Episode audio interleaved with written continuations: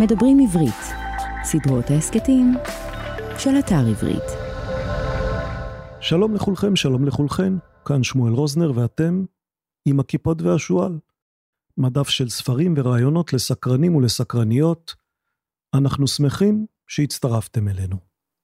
לפעמים מנכ"ל צריך לרדת לפרטים הקטנים.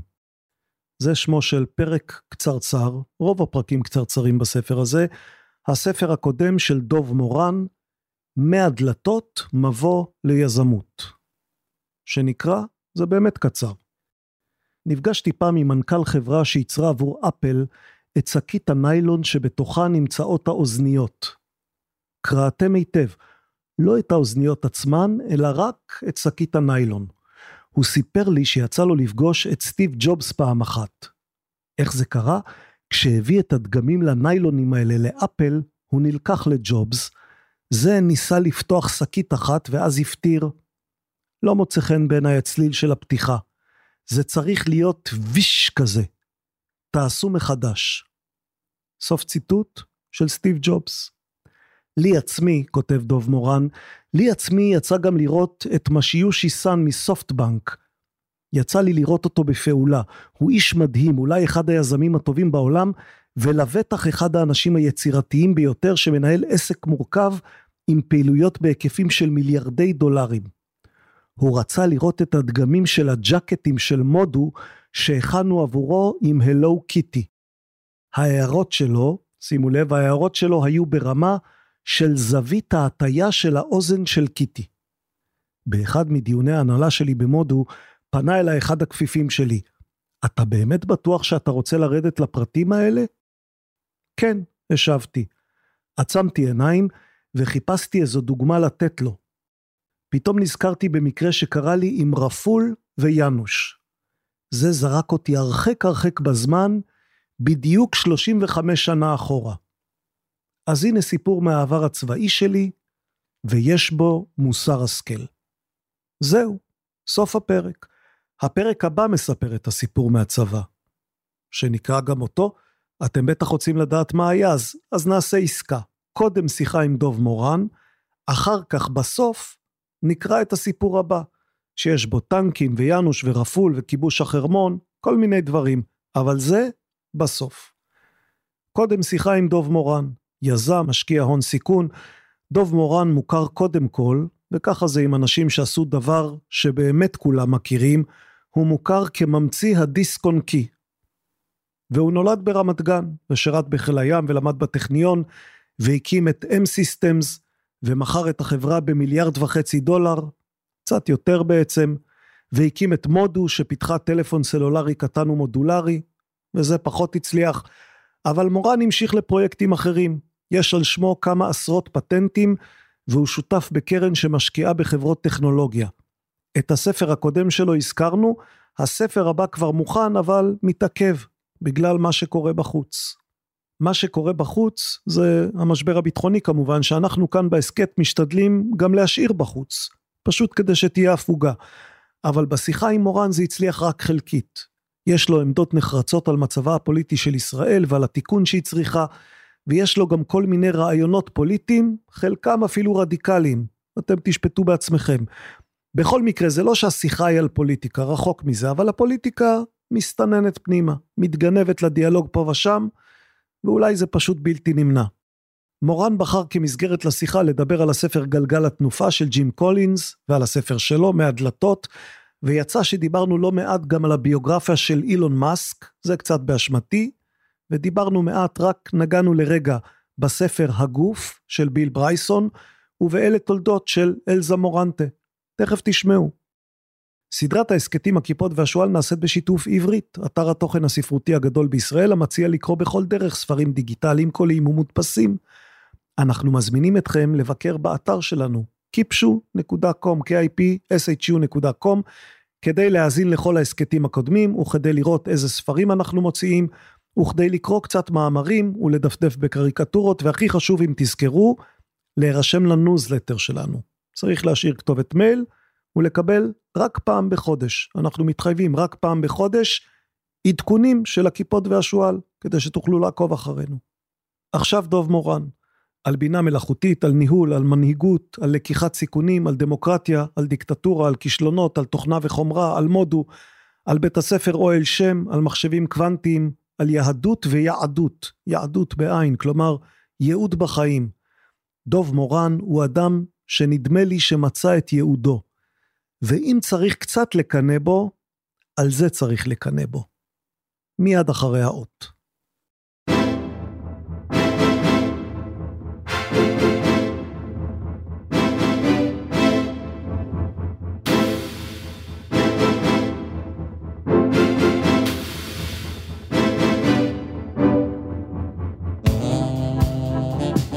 דוב מורן, שלום. שלום וברכה.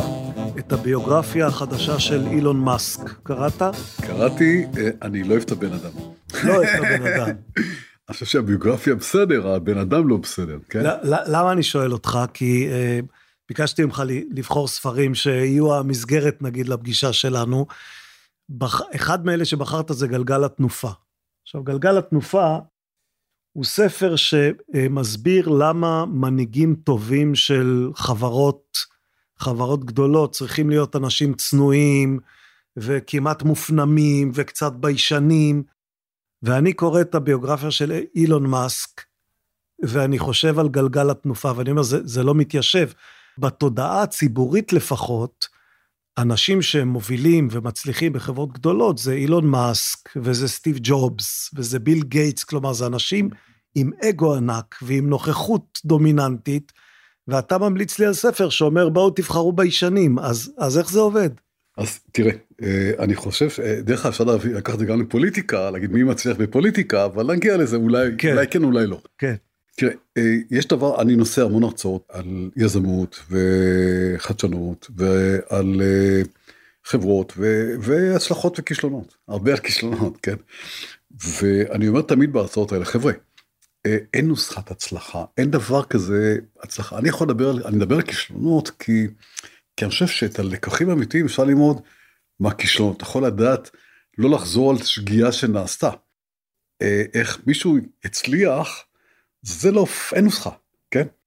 ובמסגרת הזאת יש אה, חברות שקמו שעם עם מנהל מאוד כריזמטי, מאוד דומיננטי, מאוד בודד בעצם, הוא שפיץ בפירמידה, הוא מושך איתו את כל, ה... את כל החברה לאן שהוא מושך, וזה עובד לו נפלא. עכשיו אני אומר לאנשים, אתמול, שלשום הייתי בהרצאה לפני תלמידים של אוהל שמע, התיכון שלמדתי בו, אמרתי לחבר'ה שם, חבר'ה, אתם כנראה נורא מוכשרים, כיתת המצוינות שלהם, אבל אין פה בכיתה אף אחד שהוא אילון מאסק. יש פה, יש פה הרבה דוב מורנים, או יותר מדוב מורנים, יש פה גיל שוויידים, יש פה אחלה אנשים שיכולים לעשות הצלחה, אנשים כמו אילון מאסק וסטיב ג'ובס, זה יוצאים מהכלל, שקוראים אחת לדור, כן? ותשמע, הולך להם, אגב, אבל, גם, אבל, אבל גם התחל, מזל. התחלת בלומר שאתה לא, לא מחבב אותו, לא מחבב את הטיפוס. לא מחבב אותו, בטח שלא. מה, הוא אה, סוציומט אמיתי, הוא אדם שעושה מעשים לא, לא ראויים. אגב, הוא גם במקרה לא מאסק ספציפית, שונא יהודים, תומך טראמפ, כן? שבעיניי, אתה יודע, לתמוך בטראמפ זה, זה נורא.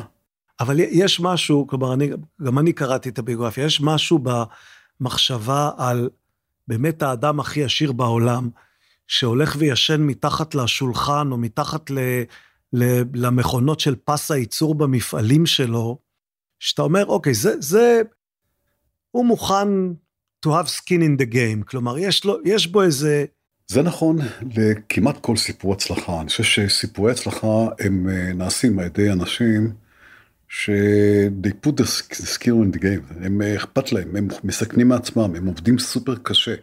הם, אה, הם נכשלים, קמים, נכשלים, קמים, נכשלים, קמים עד שיש הצלחה, כן? זה מאפיין כמעט כל סיפור הצלחה. אני יכול לספר לך בהקשר הסיפור מצחיק. כן.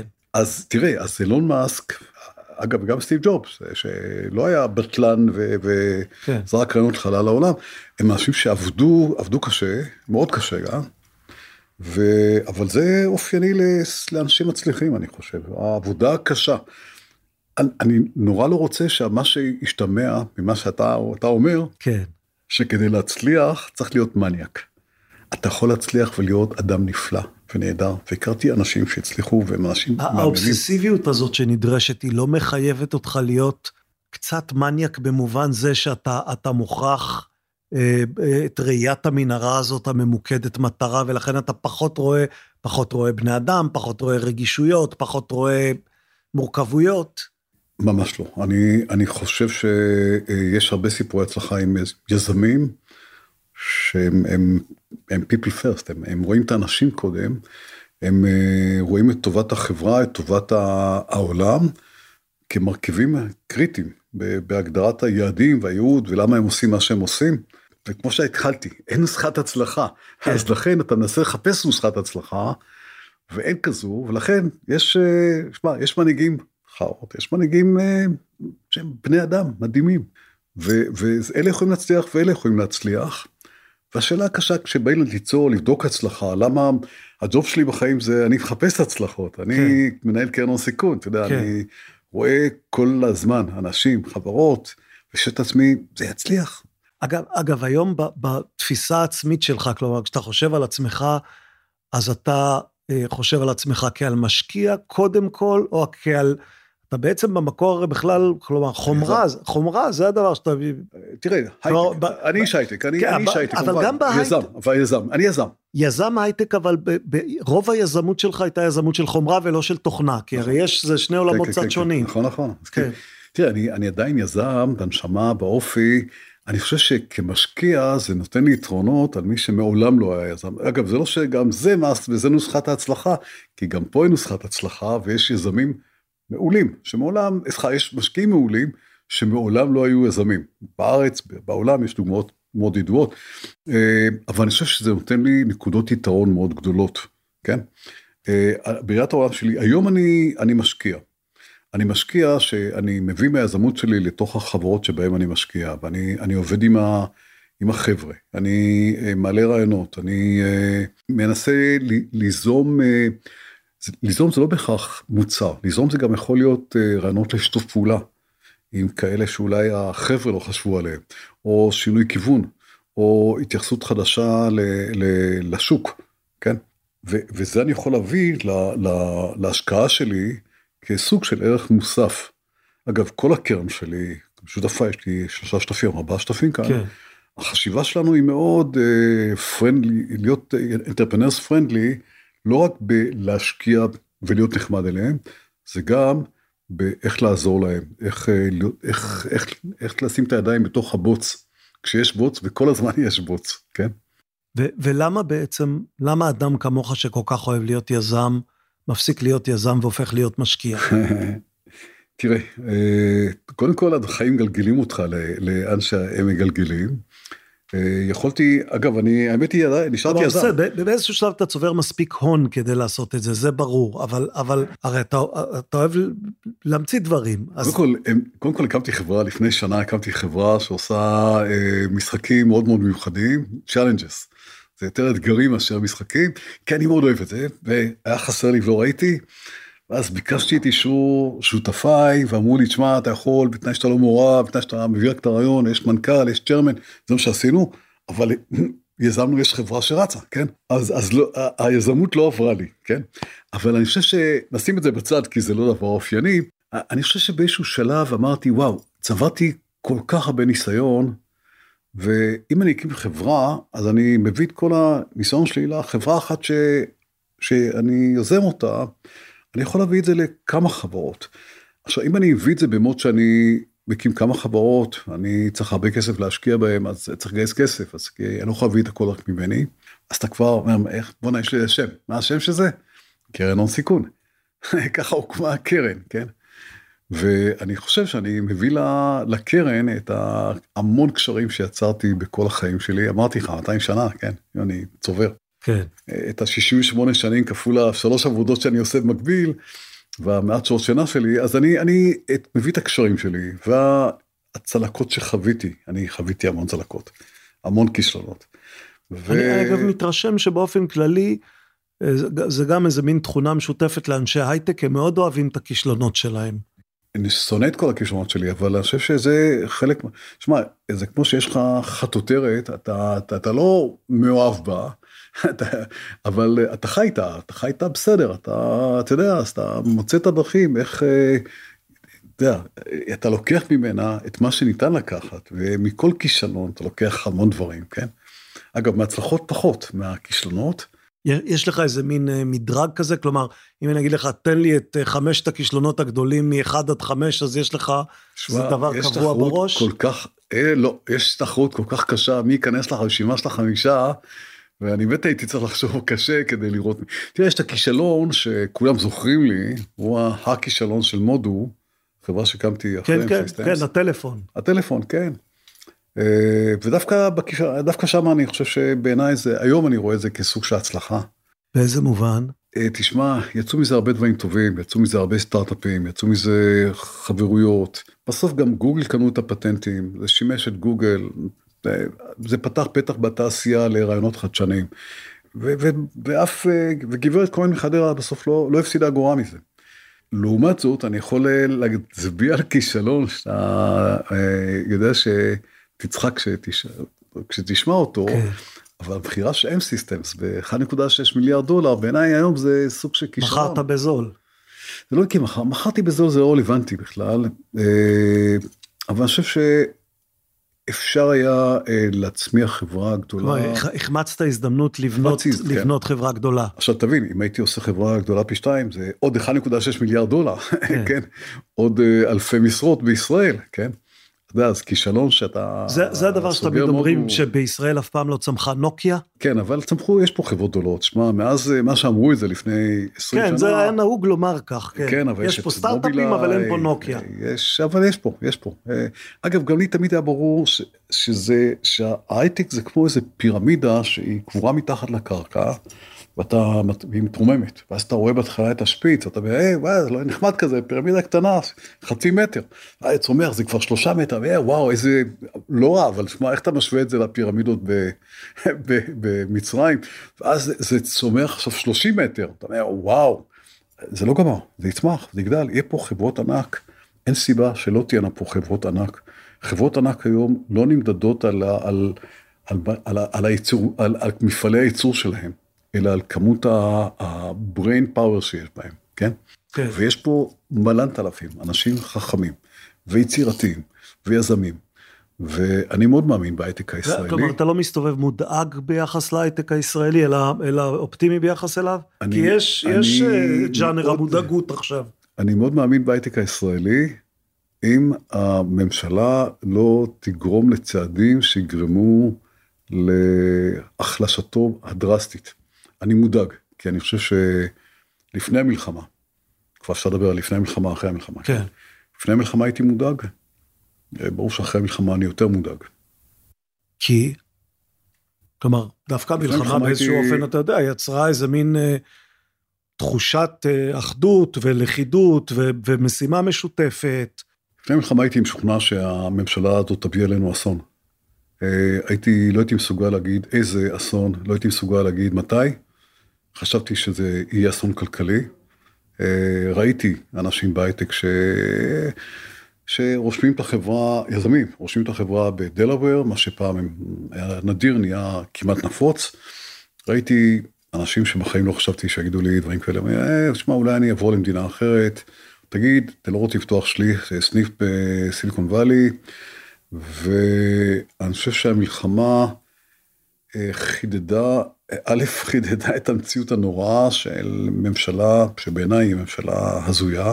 אני מקווה שזה בסדר שנדבר פוליטיקה. כן, אתה לא רוצה להעריך לא, לא, לא, בשיחות פוליטיות, אבל כן, מותר להגיד מה שרוצים. אני רואה אנשים שהתפכחו בעיניהם, בעיניהם, לא בעיניי, התפכחו מחלום על ישראל המדהימה, ואומרים וואלה, אני רוצה לחיות את החיים שלי במקום יותר מוגן, יותר בטוח.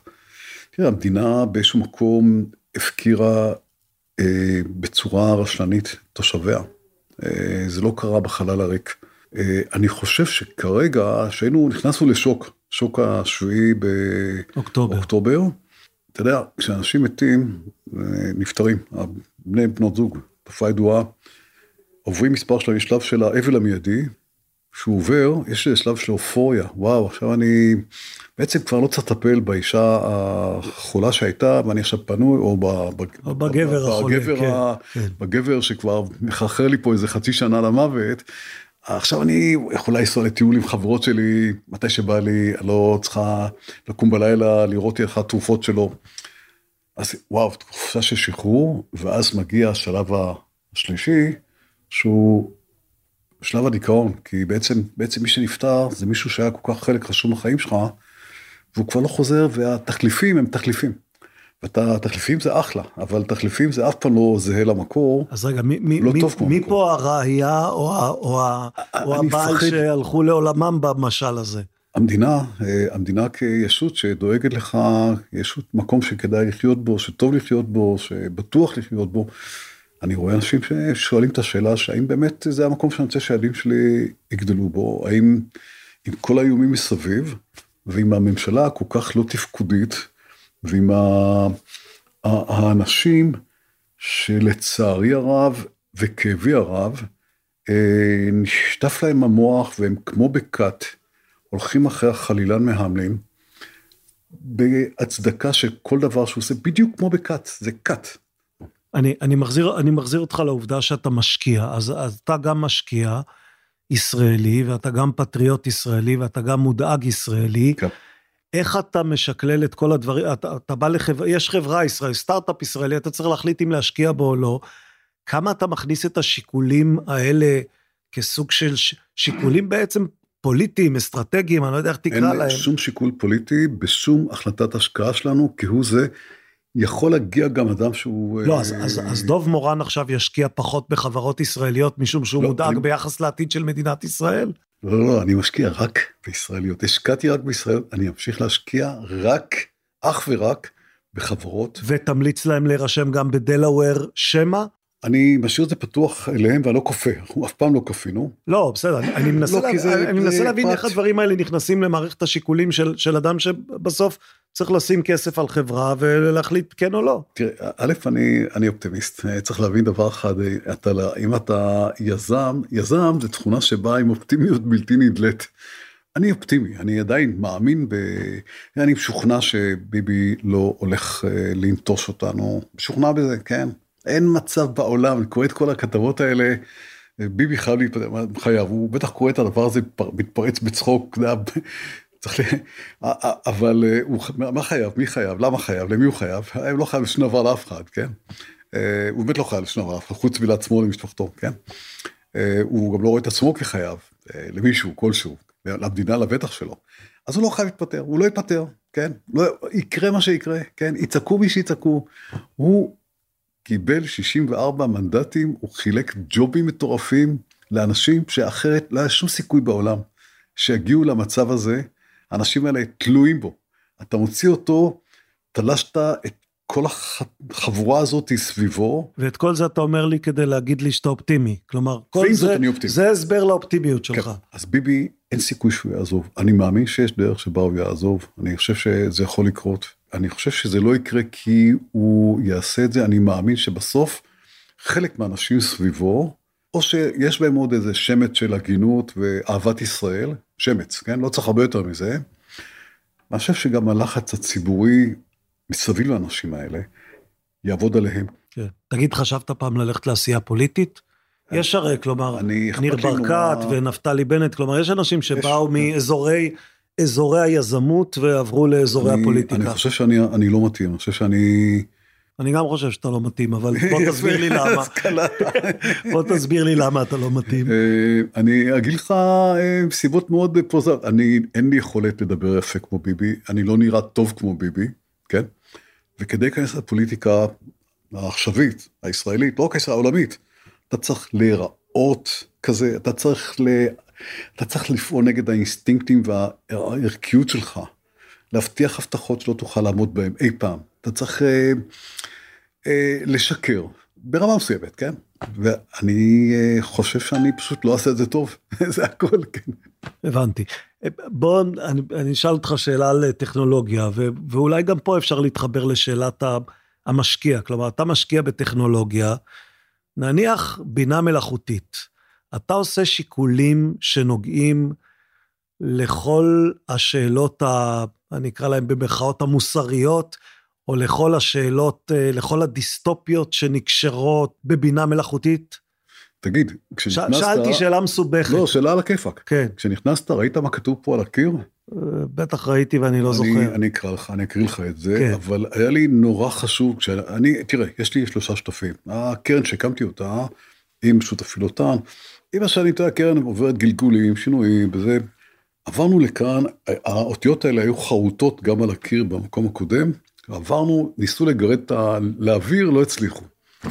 יום אחד קלטתי את עצמי, מגיע למשרד ואומר, וואו, חבר'ה, נראה לי שאיבדנו את האסנס, וזה מתחיל בחלק הפיזי, שמה שהחרוט על הקיר, לא תחול אחות מחדש, חרטנו מחדש.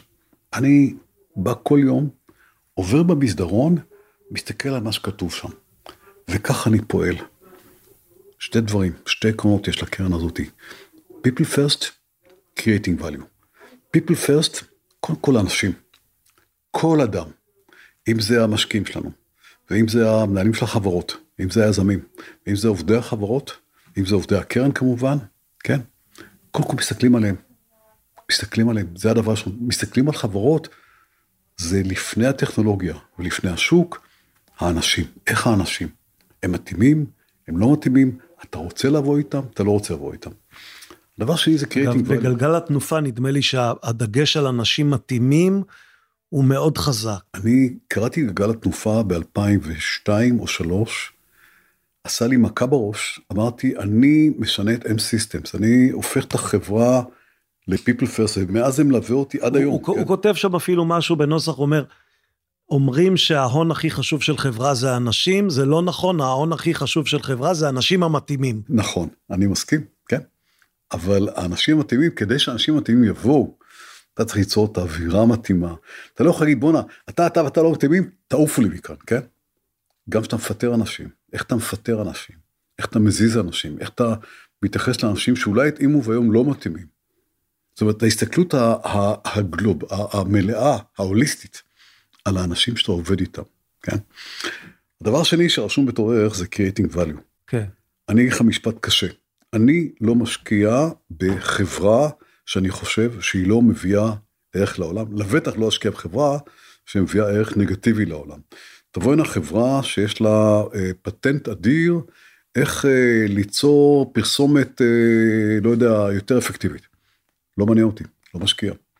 אה, תבוא הנה חברה שתעשה, לא יודע, מטבעות קריפטו מסוג חדש, יש להם טכניקה מדהימה איך לגרום לזה שגם גברת אה, רוחמה מחדרה תקנה את המטבע קריפטו, לא מעניין אותי. שגברת רוחמה לא תקנה מטבעות קריפטו, אני לא רוצה ש, שזה יקרה לה, וזה לא טוב לי וזה לא טוב לעולם, כן? משקיעים בדברים שהם טובים לעולם. אם אין את האלמנט הזה, אנחנו בגרוב לא נשקיע. טוב, אלא שהבעיה עם בינה מלאכותית זה שבדיוק על זה מתנהל הוויכוח. מלאכותית- האם ועד כמה זה טוב לעולם? בינה מלאכותית היא דבר מדהים נפלא. לעולם ונפלא בעולם, ובוא אני אביא לך דוגמה שתחדד לך למה היא כל כך נפלאה, כן? ואתה לא מודאג בכלל, טוב, אחר כך תגיד לי אם אתה מודאג. אז אני אסביר לך בדוגמה למה אני מודאג אבל לא מודאג, בסדר? אוקיי, זה ברור שאני אוקיי. לא מודאג, כי אני אופטימי, כי כן. אני... סיכמנו כבר שאני לא יכול להיות מודאג באמת. כן. תראה, אה, אתה זוכר שיש דבר שנקרא רכב, כן? המציאו אותו לפני איזה 120 שנה, נכון? כן. מה היה לפני רכבים? היה סוסים. איך היה עם סוסים? היה נחמד? מי זוכר? אני זוכר, היה נורא. אתה יודע שבניו יורק, אה, הסתובבת בנטן, יש שם... אי אפשר היה לעבור את הכביש כי הוא היה מלא מלא בגללי. סוסים. כן. יש שם כל בית שנבנה, נבנה עם חמש קומות, כי בחורף שהיה מגיע גשם, אם הבית לא נבנה בגובה מסוים, החרא, סליחה על הביטוי, כן. היה נכנס זורם לתוך הבית, כן, בסדר ונורא, הריח פשוט היה זוועה אמיתית. אה, שלא לדבר על, אה, על, על, על היכולת שלך להגיע ממקום למקום, על אה, מגבלות, הטיפול בסוסים, נורא. הגיעו, הגיעו רכבים לעולם, ומה הגיע יחד עם רכבים? תאונות. וואלה, לא היה קודם, לא היה תאונות רכבים לפני שהיו רכבים, כן. אז קודם כל, מה קרה? קודם כל, באיזשהו שלב אגב, זה רק הלך וגדל, כי המכוניות הראשונות היה, נסעו 12 קילומטר נסעו לשעה, לאט, ואחרי זה גדל ל-20, אבל אז... היו אז, היו אז הרי תהיות וויכוחים על השאלה כמה, איזה מהירות הגוף האנושי מסוגל נכון, לשאת. נכון, כלומר, כן. כמה מכונית יכולה לנסוע מהר והגוף האנושי לא יתמוטט מזה. נכון. עכשיו, מה קרה? קודם כל, אה, העיריות, אחרי זה זה הממשלות, אמרו, רגע, רגע, אם נוסעים פה כולם חופשי, אין חוקים, בוא נגדיר חוקים. למשל, מה, מה חוק? נוסעים רק בצד ימין של הכביש, או בצד שמאל, כן? אבל כל מדינה החליטה על ה... וואלה, מדהים. רגע, אמרו עוד דבר, אנשים צריכים לחצות כבישים, בוא נעשה פסים כאלה לבנים, שפה יש זכות להולכי הרגל על המכוניות. ואז אנשים ידעו להתמק... להתרכז ולעבור ביחד, אז אמרו, רגע, רגע, זה נחמד נורא, אבל לפעמים עדיין יש תאונות, כי רכב לא עצר, בוא נעשה עוד דבר מדהים, נקרא רמזורים, כן? הם ציבו רמזורים. ו- ובינתיים מכוניות המשיכו להגדיל את המהירויות שלהם, והערים גדלו, אגב, שהן לא היו גדלות לפני, כי אי אפשר לגדול לפני, כי תבין, אם אתה נוסע בסוס, כשיש עיר כמו תל אביב, איך אתה נוסע בסוס? איך אתה מחנה, איפה אתה שם את הסוס, כן. כן? בלילה, כן? אתה שם אותו בחצר שלך. אז ערים גדלו, והכל בזכות רכבים, כן? זה לא היה קורה, העולם לא היה נראה כמו שהוא נראה היום אם לא היו רכבים. ואז עדיין מספר תאונות הדרכים הלך וגדל, עד שחבר'ה שהם לא ממשלות, לא עיריות, לא חברות הרכב אפילו, אמרו, בוא נחשוב על רעיונות איך להקטין את תאונות הדרכים. והנה קמה חברה ישראלית, מובילאיי, שיש לי את, ה, את האושר, באלף, רק באלף, כן? כן. לגעת קצת בהקמה שלה, בשיחות עם, בעיקר עם זיו אבירם, גם קצת עם אמנון, אבל קמו שני חבר'ה ישראלים, ואמרו, אנחנו בעצם חושבים שאפשר להקטין את מספר תנועות הדרכים. עכשיו, גם מחוץ לישראל יש חברות שקמו ועבדו על מה שנקרא ADAS, Assistant Driving, איך, איך ליצור מכוניות יותר בטוחות, כן? ואני, ושים לב לתופעה מדהימה שקורית בעולם. אגב, למע, כמעט למעט ישראל, מספר תאונות הדרכים הולך וקטן. כן. מספר הנהרגים בתאונות דרכים הולך וקטן. ואני מאמין שעם הטכנולוגיה הזאת, שאגב היא קשה מאוד, והיא עדיין לא הגיעה לבשלות שלה, כשהיא תגיע לבשלות שלה, תאונות הדרכים הולכות להיות דבר נדיר. עכשיו, מה אני אספר פה? באה הטכנולוגיה, הטכנולוגיה הביאה חדשנות מדהימה, מהממת, שבאמת אפשרה דברים שקודם אי אפשר היה, וטוב שאפשרה אותם, כי אני חושב שהחיים הרבה יותר טובים היום מאשר החיים במנהטן עם כל החרא של הסוסים. עם הסוסים, כן. הטכנולוגיה הביאה, הביאה קשיים. הטכנולוגיה הביאה פתרונות לקשיים, בסופו של דבר, באותה מידה AI עושה, יעשה דברים, כבר עושה דברים מדהימים, מביא איתו הרבה מאוד סיכונים, בעיות, מכל הסוגים אגב, זה, זה בעיות משפטיות, בעיות יציר, של יצירה, מי יצר, של מי, למי שייך, מה, מה משמעות היצירה בכלל, מה זה צייר, כן, מה, מה עושה צייר ולמה צייר הוא טוב או רע, כשהמחשב אולי הוא יותר טוב מציירים. זה, זה מביא בעיות אתיות, זה מביא בעיות של מקצועות שיעלמו מהעולם, יש מקצועות שבואנה, יעלמו מהעולם, להיות אנליסט. אני חושב שיש לך בעיה אם אתה אנליסט, תחפש מקצוע אחר, כן? ו, ו, ולכן זה מהפכה גרנדיוזית בגודל שלה, כן? מצד שני, זה מביא יתרונות מטורפים לגמרי, זה הולך לשנות בעיניי קודם כל את עולם הרפואה. כי עולם הרפואה היום, שמע לך כאילו זה עולם מאוד מודרני, עולם הרפואה הוא עולם נורא מיושן. ידע שנצבר אצל מעט אנשים, לא עובר הלאה, לא מתחלק. בין כל הרופאים בעולם, בתי חולים שהם מוכים, מוכים בבקטריות שהם בזיהומים, שיוצרים מוות מיותר של אנשים. המון תופעות רעות. עולם עדיין מאוד, מאוד לואו-טקי בהרבה מובנים. תרופות שמפתחים אותם זה מיליארדי דולרים, שחלק מהם בסוף אחרי המיליארדי דולרים הם זבל, שאף אחד לא יודע שבעצם הם, הם, הם כאלה, כן? כל זה חייב להשתנות, וכל זה יכול להשתנות בזכות הדברים האלה של ההתייחסות לביג דאטה. ובזכות artificial intelligence. אגב, זה בא ביחד. כן, אבל, אבל, אבל יש, אני רוצה להקשות עליך, כי יש דבר אחד שלא נגעת בו, וזאת הטענה או החשש ש-AI, אם לא תמשטר אותו בזמן והוא יעבור איזה tipping point של תחכום, אתה תאבד עליו שליטה, ואז הוא יכול לעשות מה שנקרא, מה שהוא רוצה ולא מה שאתה, אנחנו נעבוד אצלו ולא הוא יעבוד אצלנו. אז תראה, זה כבר טענה מה science fiction, זה לא טענה מהריאליות. אני חי את המציאות, אני חי את ה... מה זה, אני חי את ה core שלה, מה זה מחשב שעושה AI, ומה זה הביטים האלה, ומה המוח של הדבר הזה, הכל נשלט, עזוב, זה נשלט, שוב, ברמה מסוימת, זה, זה עדיין, זה, זה נשלט לא נשלט, אבל הלא נשלט פה זה לא, זה לא שזה לא נשלט וזה יכול להרוג אנשים, כן? זה מעבר... אבל אז כל היזמים הגדולים והפרופסורים שחותמים על גילויי דעת של כולל אילון מאסק עצמו, שאמרו בואו נעצור פיתוח uh, של חצי שנה כדי לקבוע כל מיני חוקים ורגולציות. תראה, קודם כל לגבי אילון מאסק, הטענה היא שהוא עכשיו מגדולי המטרים בשער, כן. מסיבה אחת בלבד.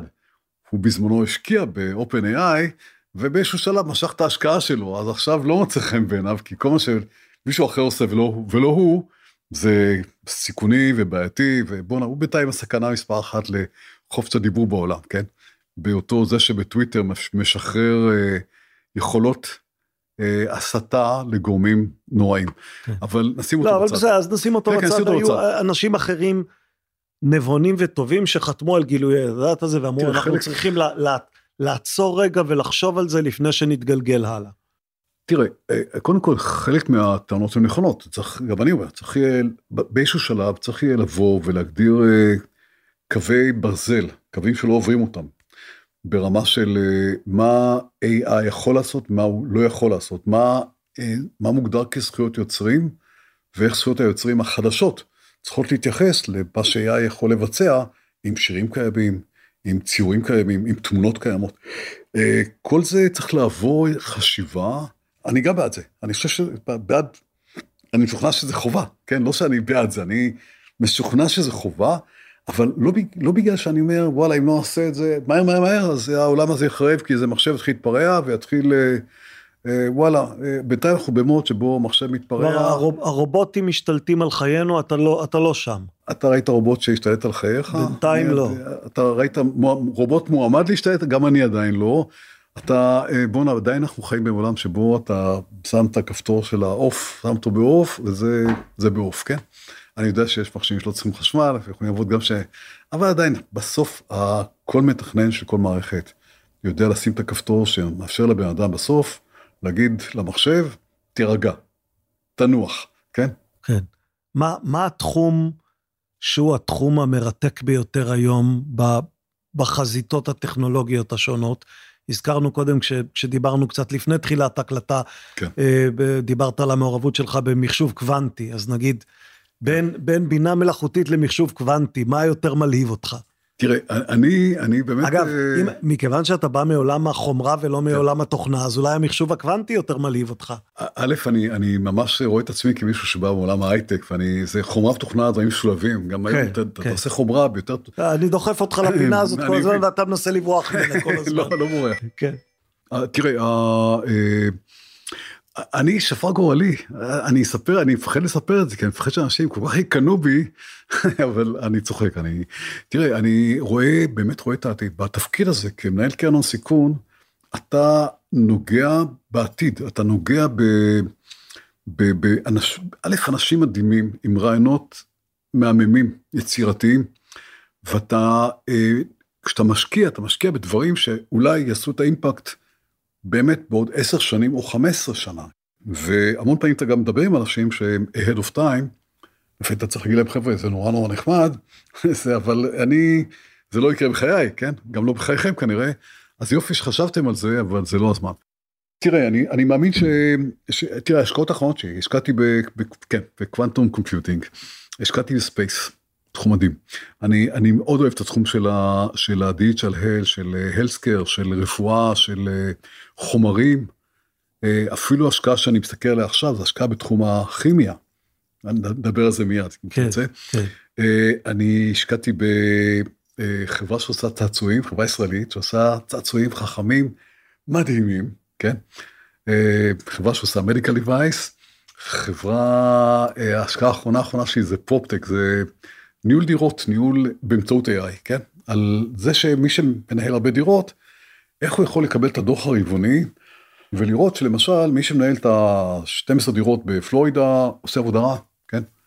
ולעשות זה לבד כאנליסט, הוא צריך להשיג אנליסטים, הסיכוי שלהם לעלות על בעיות או דברים, אין להם סיכוי מול מחשב. לכן אני אומר אנליסטים, תשנו את העבודה שלך. חפשו, חפשו מקום אחר. או שתהפכו ללודיטים ותנסו להרוס את המכונות. אז אני מאוד מאמין בהרבה ב-AI והרבה מאוד בקומבינציה של AI עם uh, תעשיית הבריאות.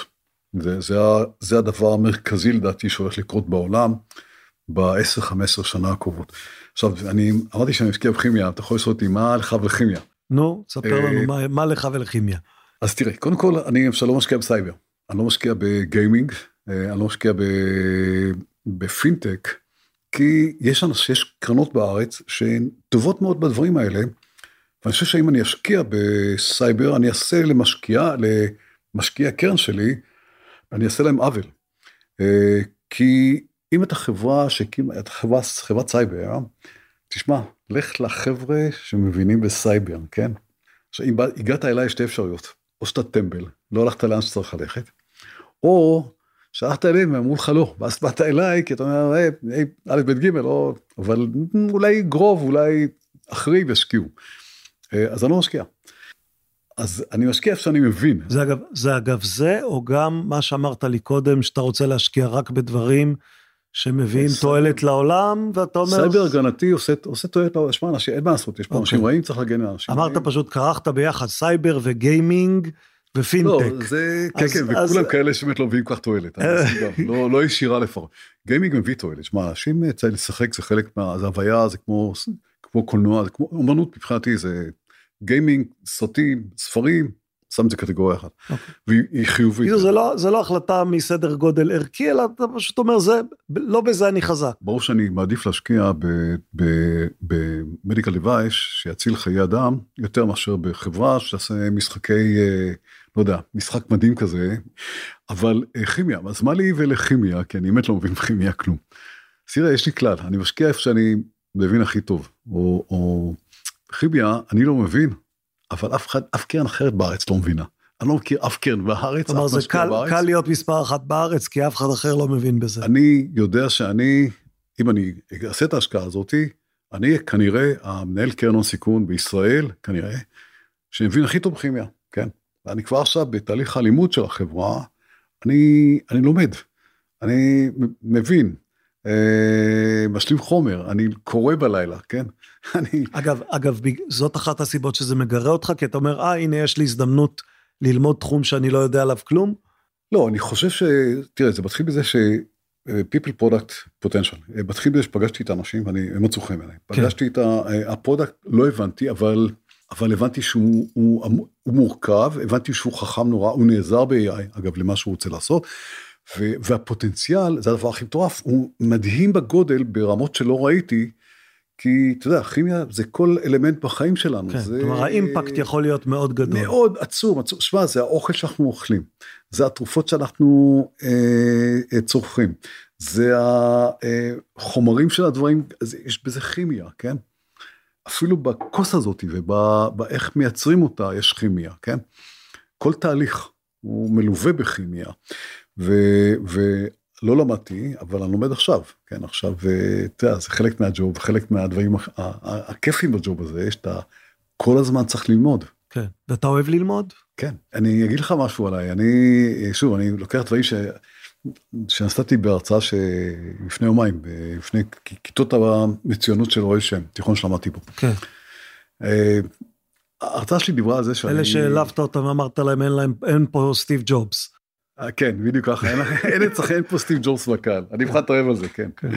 אני ברור שאני צודק ברמת הסתברות מטורפת, כן. אה, אבל יכול להיות שיש שם גיל שוויד, כן. שהוא אחלה בחור, מוכשר בטירוף, כן. אה, תראה, יש, אה, אני מגדיר את עצמי כ late bloomer. עכשיו, מה זה מגדיר את עצמי? אני late bloomer, הכי late bloomer שאתה מכיר, אולי שפגשת בחיים שלך, בכל אלמנט מגיל אפס, ממש מגיל אפס, עד היום, כן? מה, הלכת מאוחר? התחלת ללכת בגיל שנתיים? אני אפילו בלידה שלי late bloomer, שבוע 42, אמא שלי לא, הילד לא יוצא, כן? הולכת לבית חולים, כי כבר די, עבר השבוע 42, נשארת שם יומיים, נותנים לה זירוז, מה שאפשר היה לעשות כן, בזמנו, כן. לא מראה סימנים שבא לו בכלל לצאת, זה אני. כן, לא הבנתי שצריך לצאת, לא הבנתי. בסוף יום שישי, הרופא, הרופא המנתח בא, אמר, גברת, יש לי ארוחת ערב, אני עכשיו חותך, מוציא אותו החוצה, נמאס לי להמתין. ככה נולדתי, כן? אה, אגב, כתבתי בספר שלי שמאז אני יוצא דופן, כן. ואז אנשים קטלו... אנחנו מדברים על הספר הקודם, על 100 דלתות. כן. כן, אז זהו, אנחנו, אנחנו בין הקודם לנוכחי, כי יש נכון. לך ספר שמתעכב בגלל המלחמה, נכון. נכון? אז בספר שלי הראשון, מאחור, כתוב שמאז אני יוצא דופן, ואז אנשים אומרים לי, תגיד, למה אתה כותב עליך שאתה יוצא דופן? זה כאילו מחמאה לעצמך. אני אומר, לא, אני יוצא דופן, כי מה זה יוצא דופן? אחד שיצא מדופן עמו. זה המקור לביטוי, כן, נכון? לא חשבת על זה. לא חשבתי על זה, נכון. אה, אתה אחד מה-98% מהאנשים במדינה שלא הבינו שהמקור לביטוי יוצא דופן זה אחד שנולד בלידה קיסרית. כן? אז למדת עכשיו משהו. כן, כן. אולי גם הצופים, השומעים ישמעו וילמדו ביטוי, מקור לביטוי. כן, לא, יכול להיות שאם הייתי חושב על זה, אז הייתי מצליח להבין בסוף, אבל... אבל אה, לא, כן, גיליתי שאף אחד לא מכיר, לא, מעטים מאוד יודעים שזה מקור לביטוי זה לידה קיסרית. מעניין. אבל התחלתי בזה, ואני יכול להמשיך את- את את סיפור מלא על איך בגן ילדים, הגננת, אני עומד ליד אמא שלי, אני זוכר את התמונה, והגננת עומדת מולנו ואומרת, הוא לא מתאים, הוא לא בשל לעלות לכיתה א', ואני זוכר מה רץ לי בראש, אה, כי יום קודם, אה, היא אמרה, ילדים, אה, לשים את הכיסאות על השולחנות, כולם הפכו את הכיסא על השולחן, ואני שמתי את הכיסא על השולחן, כי היא אמרה לשים. ואותי זה נורא הצחיק, והיא לא צחקה, כן. אז אתה יודע, אני עומד ליד אמא שלי, נותן לה יד. לא היית קטן פיזית, אבל אתה לא אדם קטן פיזית. לא, לא, לא, לא הייתי קטן פיזית, כן. נולדתי במשקל של 4-400, כן. לאמא שלו הייתה... שבוע 40, והיית מחכה עוד כמה שבועות, היית... הייתי ישר גן ילדים, כן. כן. אה, ישר כיתה א', כן, היה אחלה. אה, כיתה א', אני זוכר, המורה שנאה אותי, אתה זוכר את הדבר הזה. וכיתה ב' הגיעה איזה מורה מחליפה. אגב, דיברתי הרבה על מורים, כי אני חושב שהמורים נתנו לי משקל אדיר במה שאני היום, כן? המורים, הסבא שלי, שאני כותב לה פה ספר, ההורים שלי, אתה חי מאוד ממה שאתה ומהסביבה שלך, אין, אין מה לעשות. והגיעה איזה מורה מחליפה בסוף כיתה ב', והיא לקחה אותי כפרויקט. עכשיו, סוף כיתה א', אני זוכר אותי בא הביתה, אני בא והולך עם התעודה, הולך לשחק, פעם שיחקו בחצר, אתה יודע, היה דבר כזה חצר, כן? כן, זה אפילו אני זוכר, למרות שאני קצת צעיר ממך. בכמה עשרות שנים. ואז אני חוזר בחמש-שש הביתה, ואני רואה את אבא שלי, אבא שלי ואמא שלי יושבים על ה... בקצה של הספה, מסתכלים בתעודה שלי, אני רואה את האכזבה על פניהם. ואני אומר לאמא שלי, את המשפט שאני זוכר, זוכר את האמירה, תשמע, זה המילים, זה לא... אמא, אל תהיה עצובה, איציק קטן קיבל תעודה פחות טובה. היה איזה ילד בכיתה, קראו לו איציק קטן. אגב, אני מחפש אותו עד היום, מת לדעת מה קורה לו. איציק קטן, אם אתה שומע את השידור הזה, אנא תקשר אליי, זה דוב מורן. דוב מינץ, הייתי באותה כיתה איתך. כן, מקווה שזה בסדר, מדור חיפוש כן, דברים. כן. אתה אחרי זה עורך, נכון? אתה יכול- על- מה שלא בא. הלוואי ויתקשר אליה, לא, נשאיר את זה, שיתקשר. יאללה, שיתקשר, אני מת שיתקשר אליי, איציק קטן. אני בטוח שעכשיו הוא בטח איזה מיליארדר, לא יודע. אולי הוא שינה את משפחתו למי נקרא, תשובה. מקטן הפך לתשובה, לא יודע, אין לי מושג, כן. אה, אבל איציק קטן הפסיק בכיתה ו' את הלימודים, כי אמרו דצית, אי אפשר. אני המשכתי, כן. אה, כיתה ב' כבר השתפרתי, באה מורה מחליפה, לקחה אותי כפרויקט. כתבתי עד כיתה, עד סוף כיתה ב', אני נשבע לך, הייתי כותב את ה... אי אפשר, אנחנו באודיו, בלי וידאו, מחזיק את העיפרון ככה, באגרוף, כותב עם העיפרון. אי אפשר לקרוא מה שאני כותב. ובא, ו- ולא הבנתי שצריך להחזיק אחרת, כי אמרו לי, וזה לא היה, לא היה נוח אחרת, עד שבאה המורה שולמית. קיצור, כל דבר אני, אני מתחיל ב... ו- והלקח בזה הוא מה? כלומר, זה לא נורא שזה דברים קורים מאוחר? בואנה, הכל תלוי בך. גם אם אתה, אה, אני לא חושב שאני נולדתי הכי חכם, אני לא חושב שנולדתי גאון, כן? אה, אבל אפשר כל הזמן להשתפר, ללמוד, להשתפר, ללמוד, להשתפר, ללמוד. זה מה שאני עושה בחיים שלי. אז שאלת אותי אם אני אוהב, אה, ללמוד. אוהב ללמוד, מת על ללמוד, בטח. כשאני לומד ואני מבין ואני רואה דברים ו- ו- וצובר עוד ידע, אני, אני נורא נהנה מזה.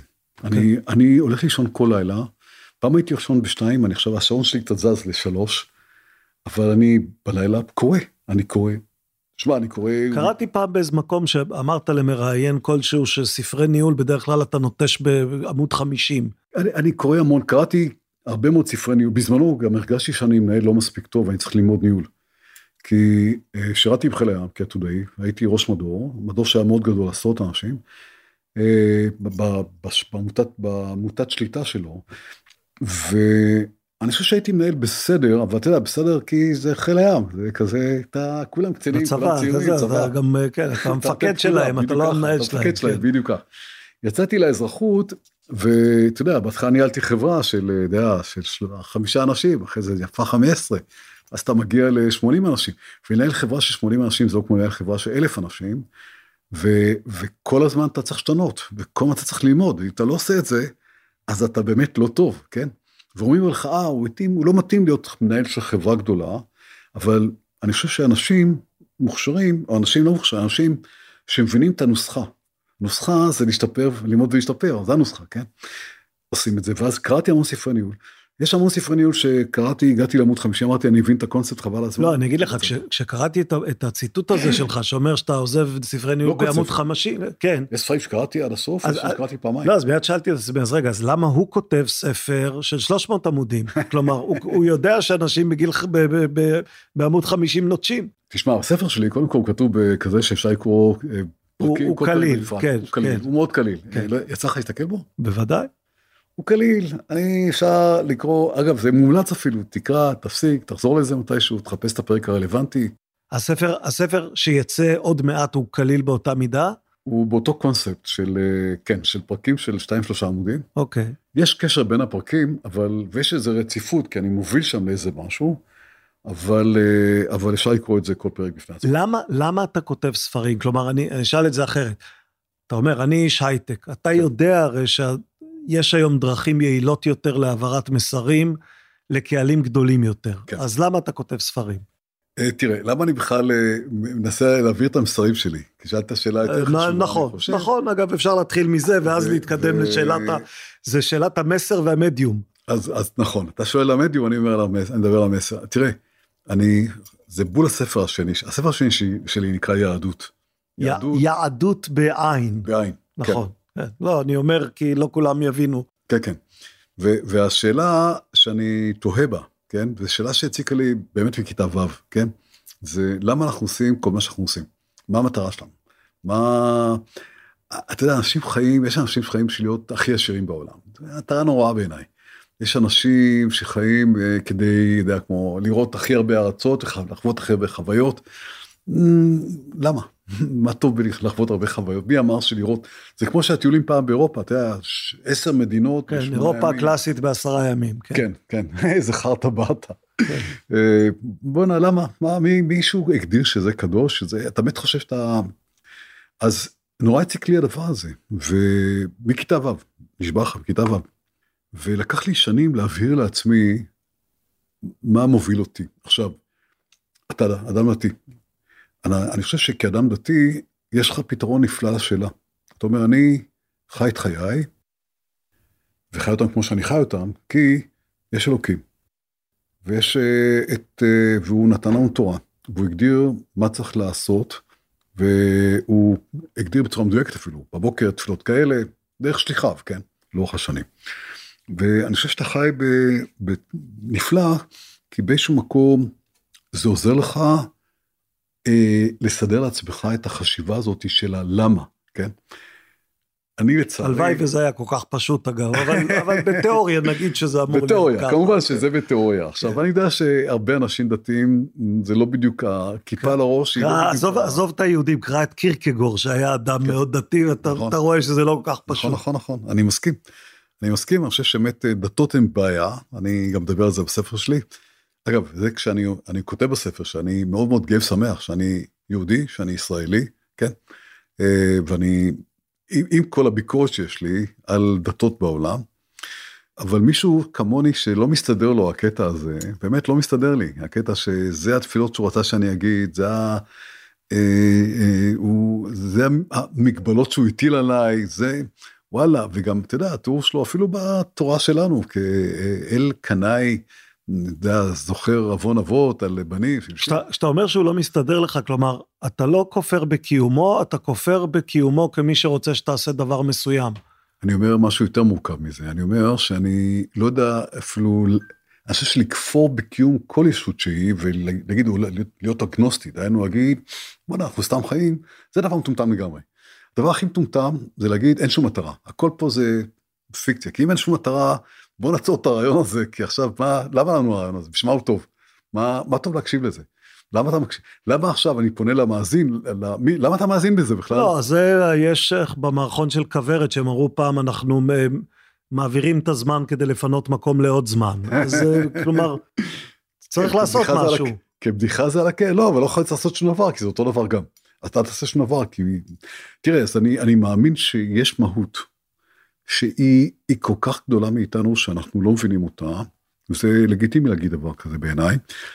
היא לבטח לא אלוקים שבודק כל מעשה שלנו בכל רגע, כי אני חושב שאם המהות הזאת היא, גדולה מכדי באמת לעשות. אז מה זה אלוהי הפילוסופים, שפינוזיסט. אז אני מנסה להבין, עכשיו תראה, אני, אני קטונתי מלהבין, לא מתיימר להבין אה, מה המטרות, מה הדברים, אבל אני חושב שאם אני מסוגל להסתכל אחורה וללמוד מאחורה על גבי הקדימה, אני רואה דבר אחד שהוא רלוונטי לאנושות, וזה קדמה. אנחנו חיים בעולם שמאז שנוצרנו כבני אדם, הפכנו לישות בני אדם, ממה שהיינו קודם, כן? אנחנו בתהליך מתמיד של השתפרות של, בהרבה מובנים, לא רק טכנולוגית, טכנולוגית זה, זה מעטה, זה, זה השתפרות אה, ערכית, מוסרית, אה, קשר בין אנשים, קשר בין קהילות, תמיכה, אה, כמובן נושא רעב, מחלות, שזה היה נורא פעם, אנשים מתו, שמע, לא, לא הרבה שנים, מאות שנים, אה, חצי מאוכלוסיית, או שליש מאוכלוסיית מאוכלוסיית אירלנד מתו בשנה אחת, כי לא היה להם אוכל, אתה מבין את הדבר הנורא הזה, כן? אה, אתה יודע, נשים ילדו הרבה ילדים, רק אה, כמה מהם שרדו, ואיזה דבר נורא זה להיות אם שבניה מתים מול עיניה, כן? זה, זה אין, אין יותר נורא וכואב וקשה מהדבר הזה, העולם הזה משתפר בצורה מטורפת. אגב, כל מי שאומר לי, פעם היה על הכיפאק, איזה פעם היה על הכיפאק? אתה חי בו באילוזיה מטומטמת, בלי להבין כמה רע ונורא היה העולם הזה, לעומת משהו היום. אגב, וזה אמור להמשיך ולהשתפר הלאה, כדי ליצור באמת עולם יותר טוב ויותר טוב ויותר טוב. אגב, אולי באמת ביותר טוב, יש עוד 5,000 שנה, בכלל נהיה בכוכבי לכת אחרים. לא קראתי לא ממש עכשיו ספר חדש שיצא באנגלית שנקרא עיר על המאדים, City on Mars. שהם מסבירים שם, אגב, זה ספר שרוב רובו הסבר למה זה נורא קשה. כלומר, כן. למה זה יהיה נורא מסובך להקים אה, עיר על, על המאדים. זה מאוד קשה, היום. זה יהיה מאוד קשה עוד 100 שנה, אבל בעוד 5,000 שנה לא בטוח שזה יהיה קשה, כי אנחנו נהיה שונים, כי האנושות תהיה שונה. ואולי תאפשר את זה עם כל הטכנולוגיה והדברים הטובים שכן אה, יבואו. אבל אה, אז אני חושב שיש, בעיניי, יש לכולנו, יש לנו יעד. היעד הזה זה להפוך את העולם הזה ליותר טוב בכל היבט שהוא. זה יכול להיות לא בהכרח בזה שתמציא המצאות, זה יכול להיות בזה שאתה תחליט שאתה עושה פודקאסטים, ודרך הפודקאסטים מדבר עם אנשים, ומביא ידע והבנה לקהל המאזינים שמקשיב. וזה יכול להיות בזה שהמנקה רחובות ינקה את הרחובות ובהנשמה ומעלה ועושה עבודה טובה, יהיה יותר כיף לאנשים לדרוך על המדרכות האלה, וזה יגרום לזה שהם יעשו דברים יותר טובים. זה, כל אחד יש לו את החלק שלו באיך להפוך את העולם הזה ליותר טוב. עכשיו, אם אתה חי את החיים שלך לאור הדבר הזה, אם אתה חי את החיים שלך ואתה מפנים את זה כ... כאמונה דתית, כדרך חיים. אה, אני חושב שאתה חי חיים הרבה יותר טובים. זה, זה מהלך פילוסופי או פסיכולוגי? כלומר, זה דבר, אתה אומר, ישבתי וחשבתי וחשבתי וחשבתי, ואז הגעתי למסקנה שזאת תכלית האדם, לקדם, לקדם את העולם, לקדם את בני אדם בעולם, או שאתה אומר, בעצם זה מה שאני מרגיש, אני מרגיש שזה מה שאני רוצה לעשות. אני בן 68, אני אומר לך, התלבטתי עם זה בגיל 12. אמרת שאתה late bloomer, אז זה אומר 68 אצלך זה רק התחלה. אז 56 שנה אני חושב על הדבר הזה, ולקח לי, וזה נבנה עם הזמן. זה לא שישבתי יום אחד, אמרתי, בוא נחשוב בשביל מה, מה תפקידי. זה 56 שנה אני דש בזה, ודן בזה, וחושב עם עצמי, ומתלבט, לפעמים יותר, לפעמים פחות, תקופות שלא, תקופות שכן. אבל אה, כן, זה, זה, זה באיזשהו מקום בוער לי. להעביר את המסר, זה מה שאני מנסה לעשות בספרים שלי. אז שאלת בשביל מה אני כותב את הספר? להעביר את המסר. יפה, ועכשיו נעבור למדיום, אז למה ספר ולא סדרת סרטונים, או, או, או פרסום בשלטי חוצות, כן. או כל שאר האמצעים שמאפשרים לך להעביר מסרים, שוב, מהר יותר ולקהל גדול יותר. אה, פרסום בשלטי חוצות זה לא אני. אוקיי. Okay. no way.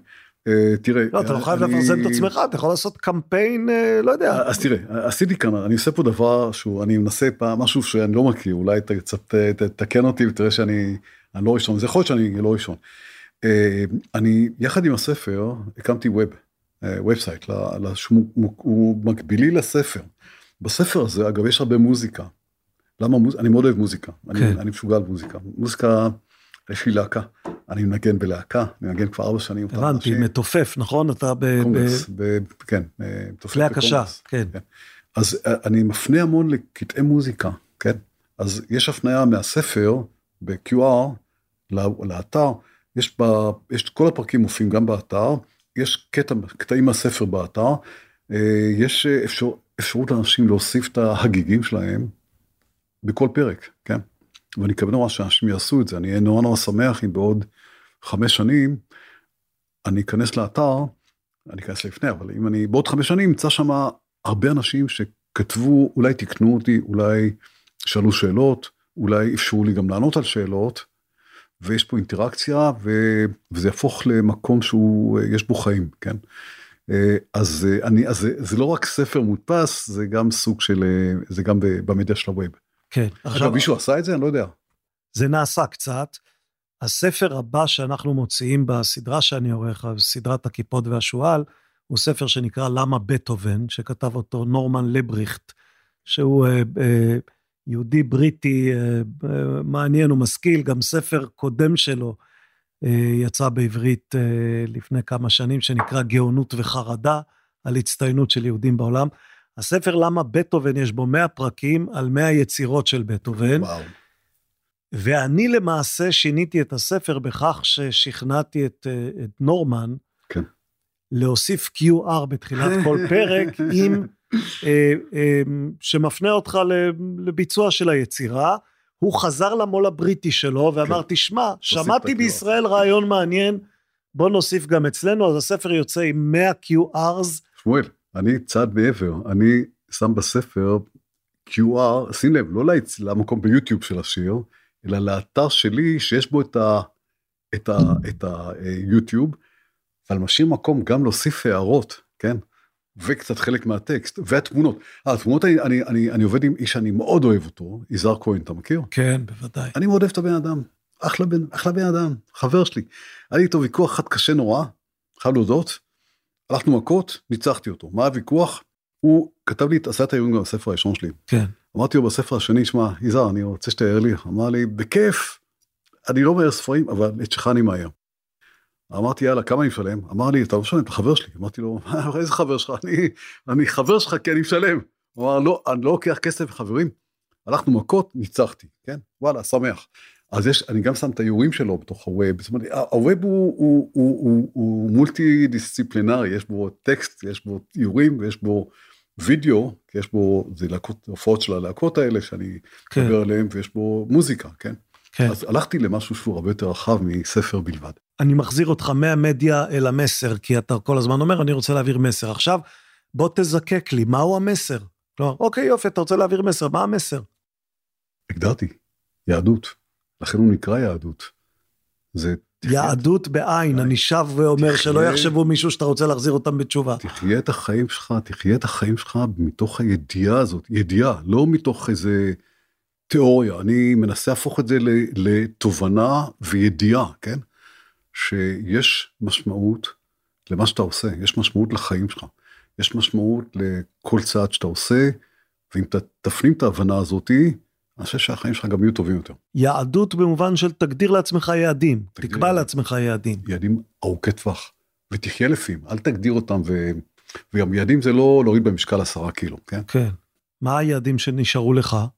לי? נשארו, כלומר אמרנו, late bloomer, אתה רק בן 68, שמע, א', אני באמת, אה, אני נשבע לך בהן צדקי, אני מרגיש שאני ממש רחוק, אני לא הגעתי לשפיץ שלה בעקומה של עלייה ואחרי זה ירידה, ואני רחוק נורא מלהגיע ל... אני, אני, אם אני מחזיר אותך לאילון מאסק, אז אחד הדברים שכן מרשימים בעיניי בספר שלו, בספר עליו, זה כמה היעדים שלו שאפתניים. כלומר, אתה באמת משתכנע בספר שעם כל הטירוף שלו, הוא באמת חושב על עצמו שהוא האדם שיכול להציל את העולם באיזה אופן, בזה שהוא יטיס אותנו לחלל, כן. ובזה שהוא יהפוך את המכוניות שלנו לחשמליות. נדמה לו שגורל העולם תלוי על כתפיו. א', אני לא משוכנע שאילון מאסק התחיל בלהגיד אני רוצה להציל את העולם אז בואו נשקיע בחברת מכוניות או בחברה של אה, שלביינים. אני חושב שזה היה... אוקיי. וואי יש פה איזה אופורטיוניטי מדהים יש פה חבר'ה נהדרים שבנו רכב חשמלי ויש להם המון רעיונות חדשניים נפלאים בואו נשתלט על החברה. אחרי זה זה היה בוא נהפוך את זה ל... אני חושב שזה כך אצלו אבל לא חשוב.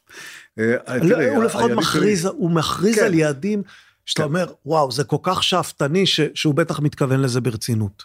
אה, כי, כי, אחרת זה, כי אחרת זה, זה קריקטורה. תראה, אני חושב שהיעדים, תראה, קודם כל אני רוצה, אני נורא נורא אשמח, אני להגיד, להגדיר את זה כיעד, היעד שלי זה להפוך את העולם הזה יותר טוב, הדרך שלי להפוך את העולם הזה ליותר טוב, זה מתחיל בדברים הפרוזאיים, להיות אה, משקיע טוב, אה, לעשות בקרן שלי השקעות טובות כך שאנחנו נוכל יותר ויותר להיות מעורבים.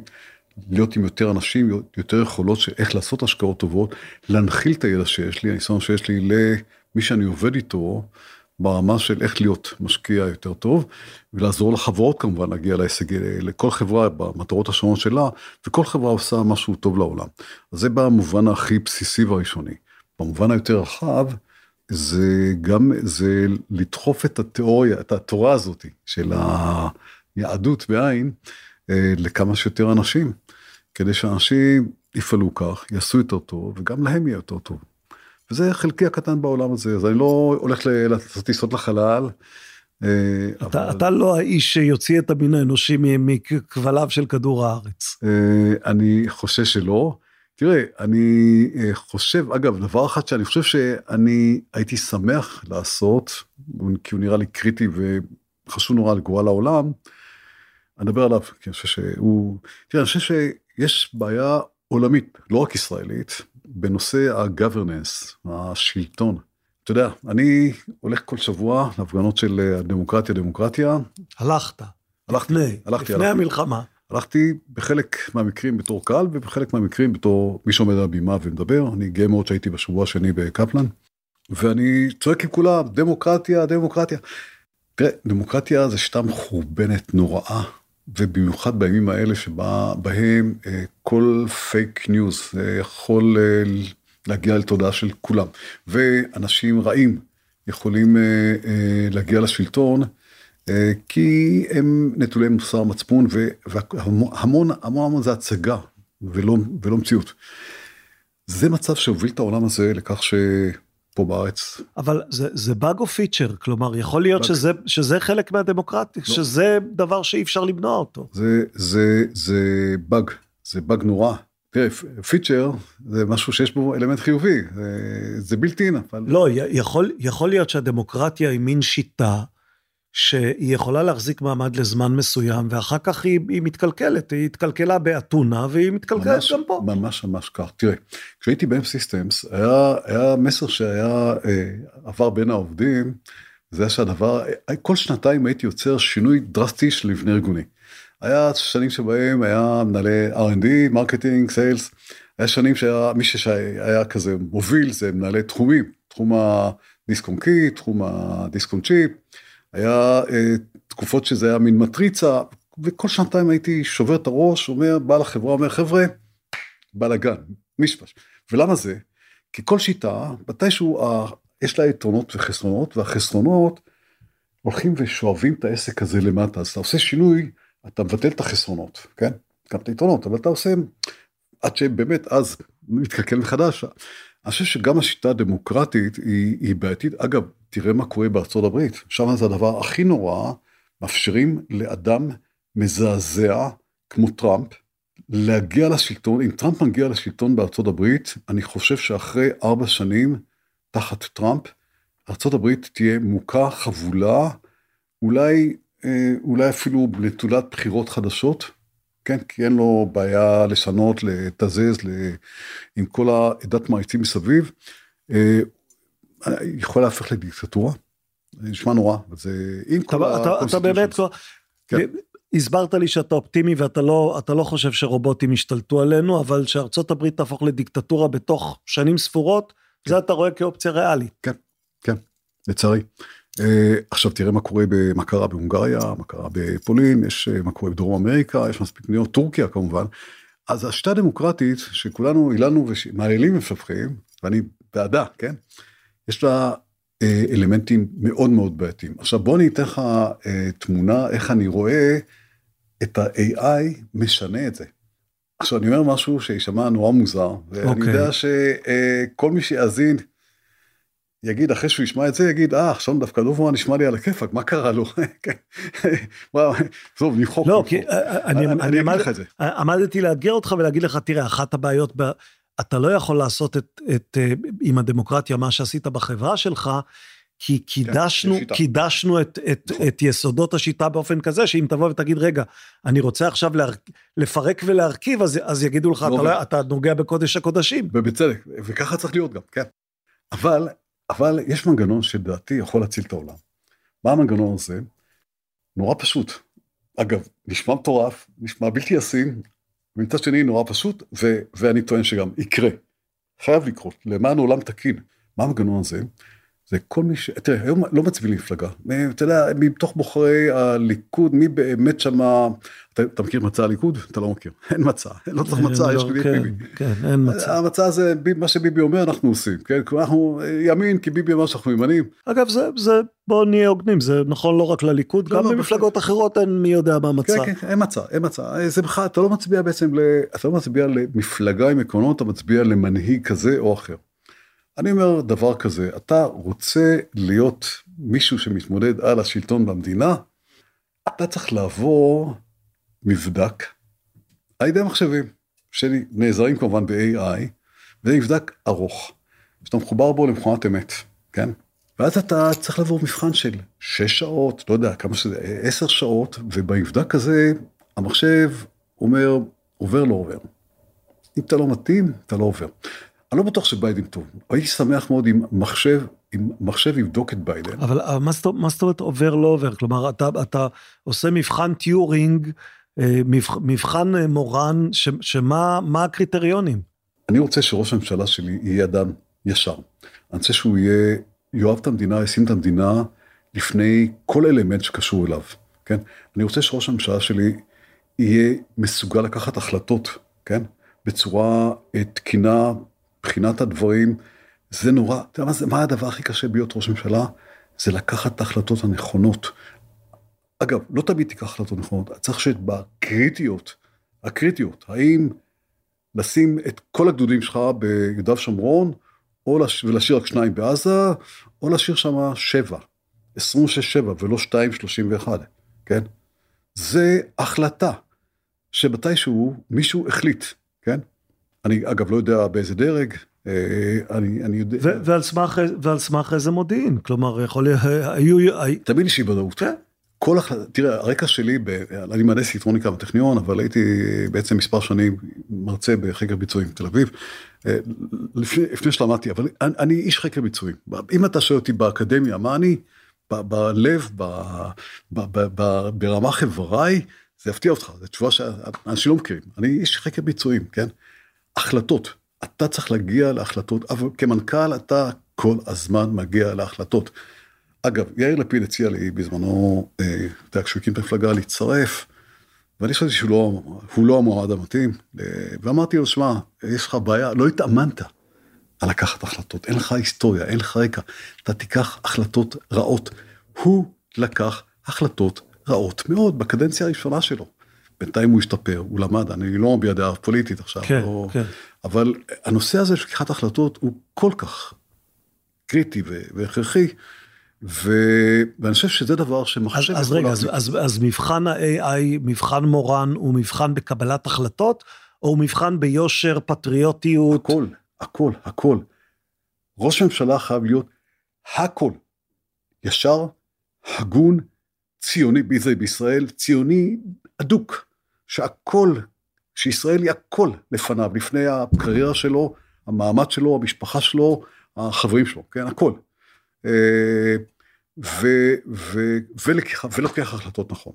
שזו תכונה סופר סופר חשובה, אנשים לא מדברים עליה. אנשים, אגב, אין, מה זה חכם? חכם במה? חכם זה אחד עם המון ידע, אה, חכם זה אחד שיודע קונים בזול מוכרים ביוקר, חכם זה אחד שלא יודע, יודע, יודע לחזות משחקי כדורגל. לא, זה, זה, זה גם וגם וגם וגם, אבל בסוף הדבר, הדבר שבאמת הוא הכי קריטי ועל זה לא מדברים, זה חכם בלקיחת החלטות. מנכ"ל טוב הוא, או אדם טוב, אגב, הוא חייב להיות בעיניי אדם טוב, אה, אם כי אפשר בלי, כאמור, אה, דוגמה זה אילון מאסק שהזכרנו, הוא אה, אחד שהחברה מאוד חשובה לה ולא רק כמה הכבוד שלו והכסף שלו, ואחד שיודע להחליט החלטות טובות. אגב, אילון מאסק הוא לוקח החלטות מעולה. על זה אין לי ויכוח, כן? הוא לוקח החלטות. גם סיכונים, לוקח גם סיכונים גדולים. לקיחת החלטות זה כולל סיכונים, זה השקלול, כל דבר, כל החלטה יש בה סיכוי סיכון, כן? אם אין שם סיכונים, זה לא החלטה, כן? שוב, אתה עוסק ב... בנושא הזה, המשמעות של לקיחת סיכונים היא שיהיו גם טעויות, ברור. יהיה להן מחיר, נכון. ואז אתה צריך ללמוד לחיות עם זה שלמנהיגים שלך יהיו כישלונות, כן. ולאפשר להם להיכשל ולהמשיך. ברור מאליו. מנהיג טוב נכשל, הוא לוקח החלטות שגויות. אגב, לא בקריטיות. בקריטיות האלה של השני גדודים בעזה, בזה מנהיג טוב לא נכשל. לא נכשל, כי הוא שואל את השאלות של מה יקרה אם, מה המשמעות של, מה, והוא מקבל אינפורמציה והוא מאבד אינפורמציה. קח, קח, את, קח את אה, צ'רצ'יל בגליפולי. כן. צ'רצ'יל עושה את אחת מהשגיאות הקטסטרופליות במלחמת העולם הראשונה.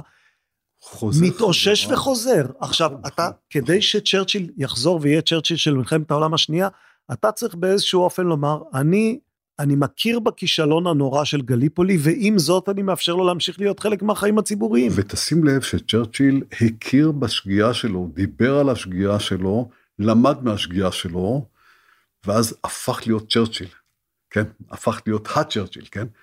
אנשים שמעולם לא מודים בשגיאה שלהם, שלא לא לוקחים אחריות, שמאשימים את כל השאר, גם אם מוחקים אחרי אה, כמה שעות את, ה, את הטוויטר הזה, זה סוג האנשים שלעולם לא יהיו מקבלי החלטות טובים. זה אנשים שתמיד יצבעו את הכל בוורוד. תמיד, אה, אם, תמיד ימרחו לגבי מה הם עשו, כמה הם טובים, ייקחו כל הישג לעצמם, יפילו כל כישלון האחרים.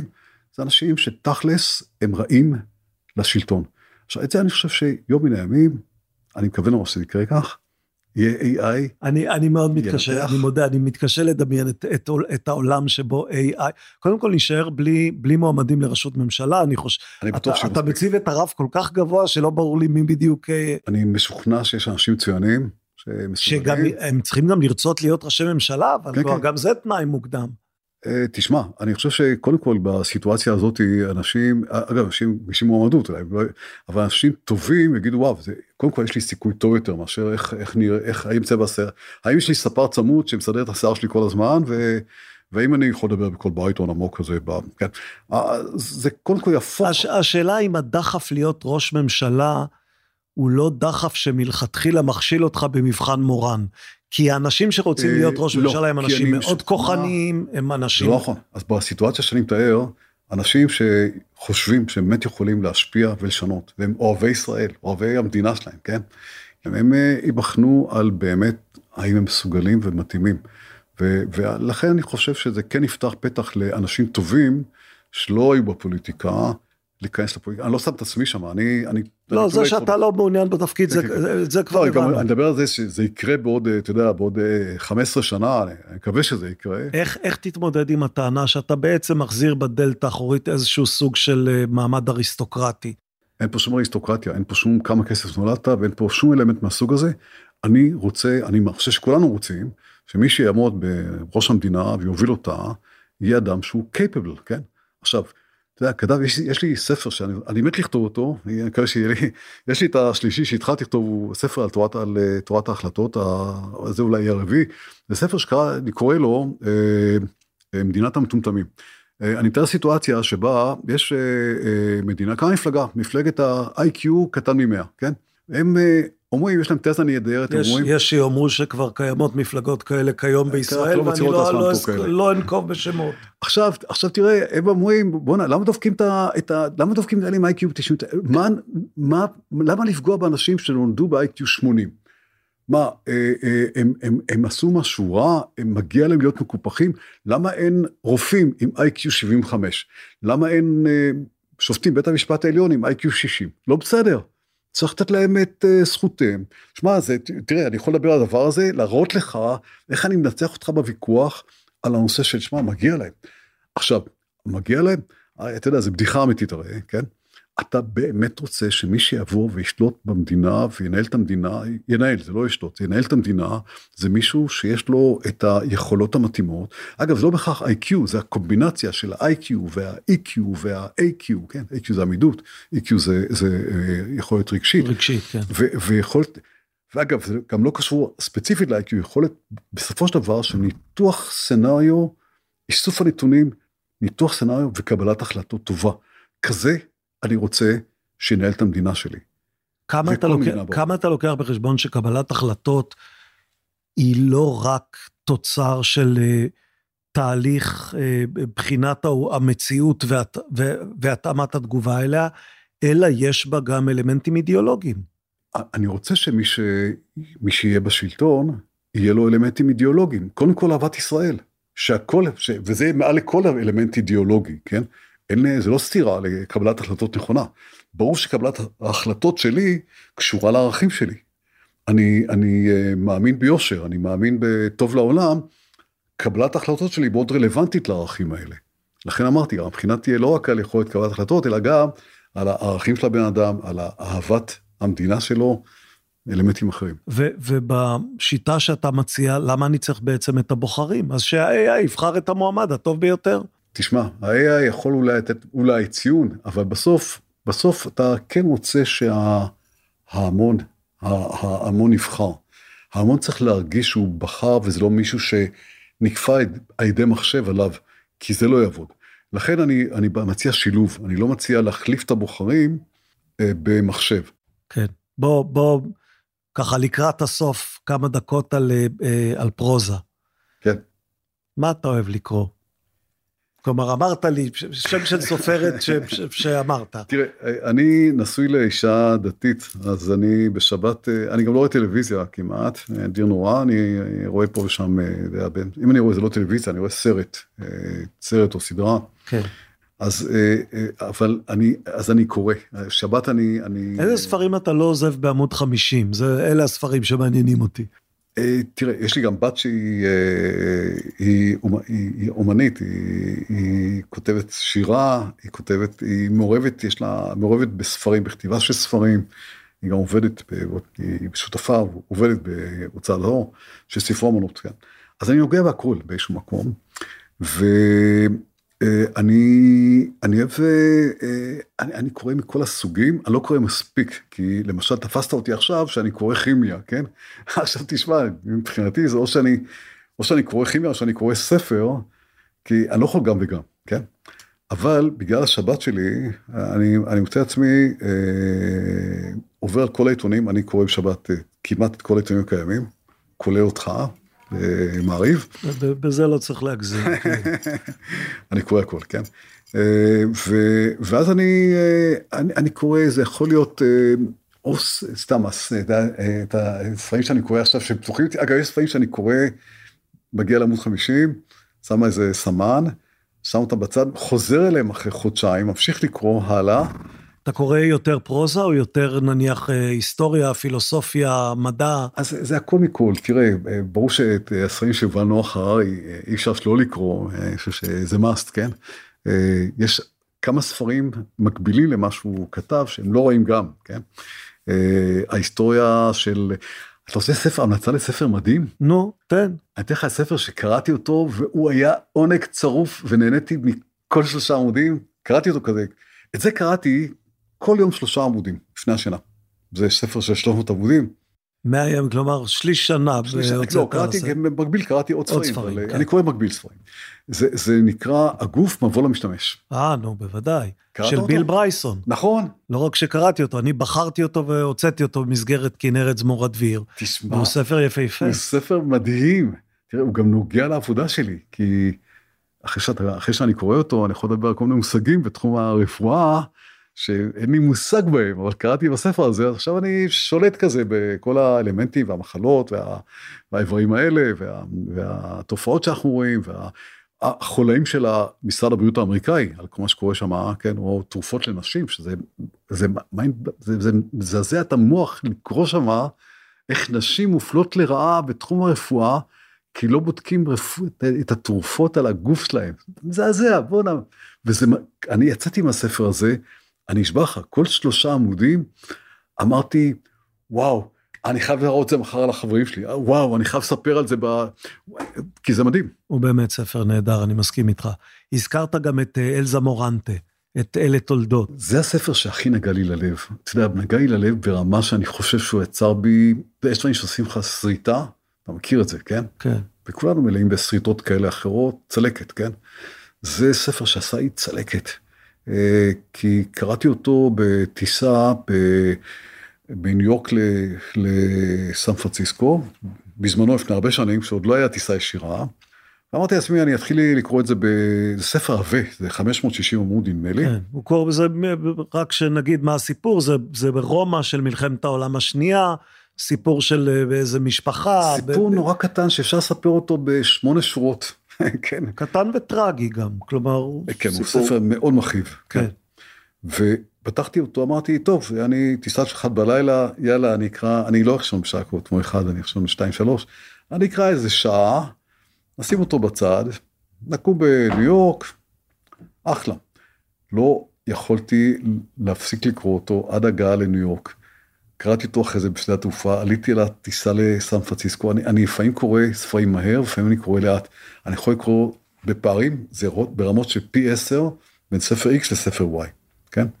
ואת זה קראתי במילה מילה. ואתה יודע לזקק לי מה, מה זה הדבר הזה ש...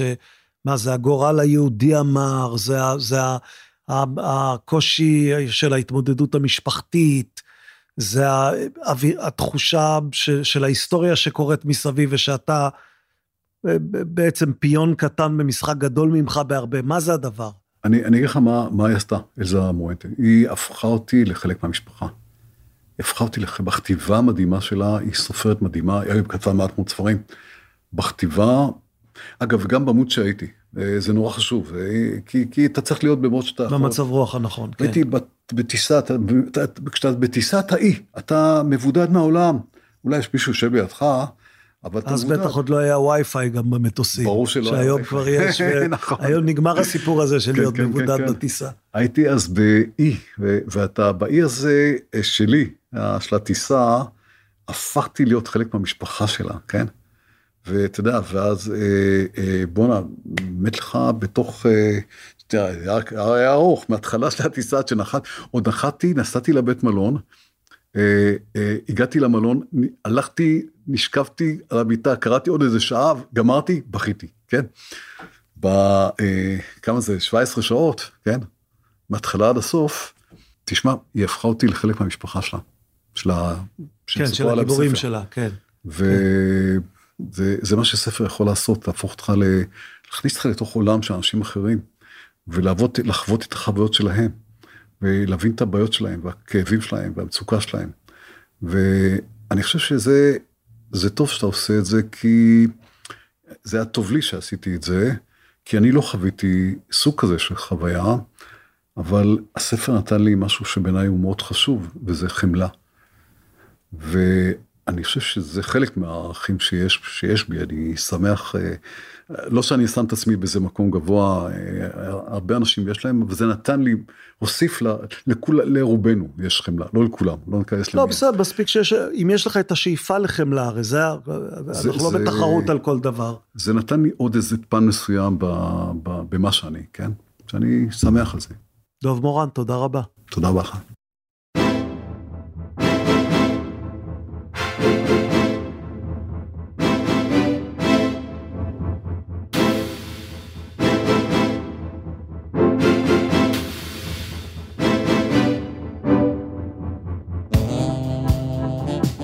הכיפות והשועל.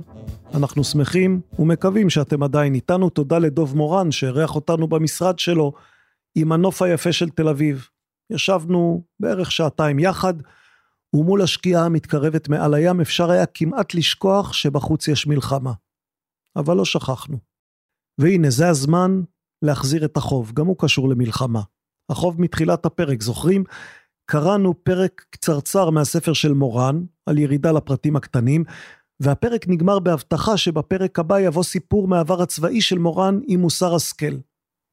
אז הנה, מתוך מאה דלתות הפרק, איך לא כבשתי את החרמון. זה לא אני כמובן, זה דוב מורן.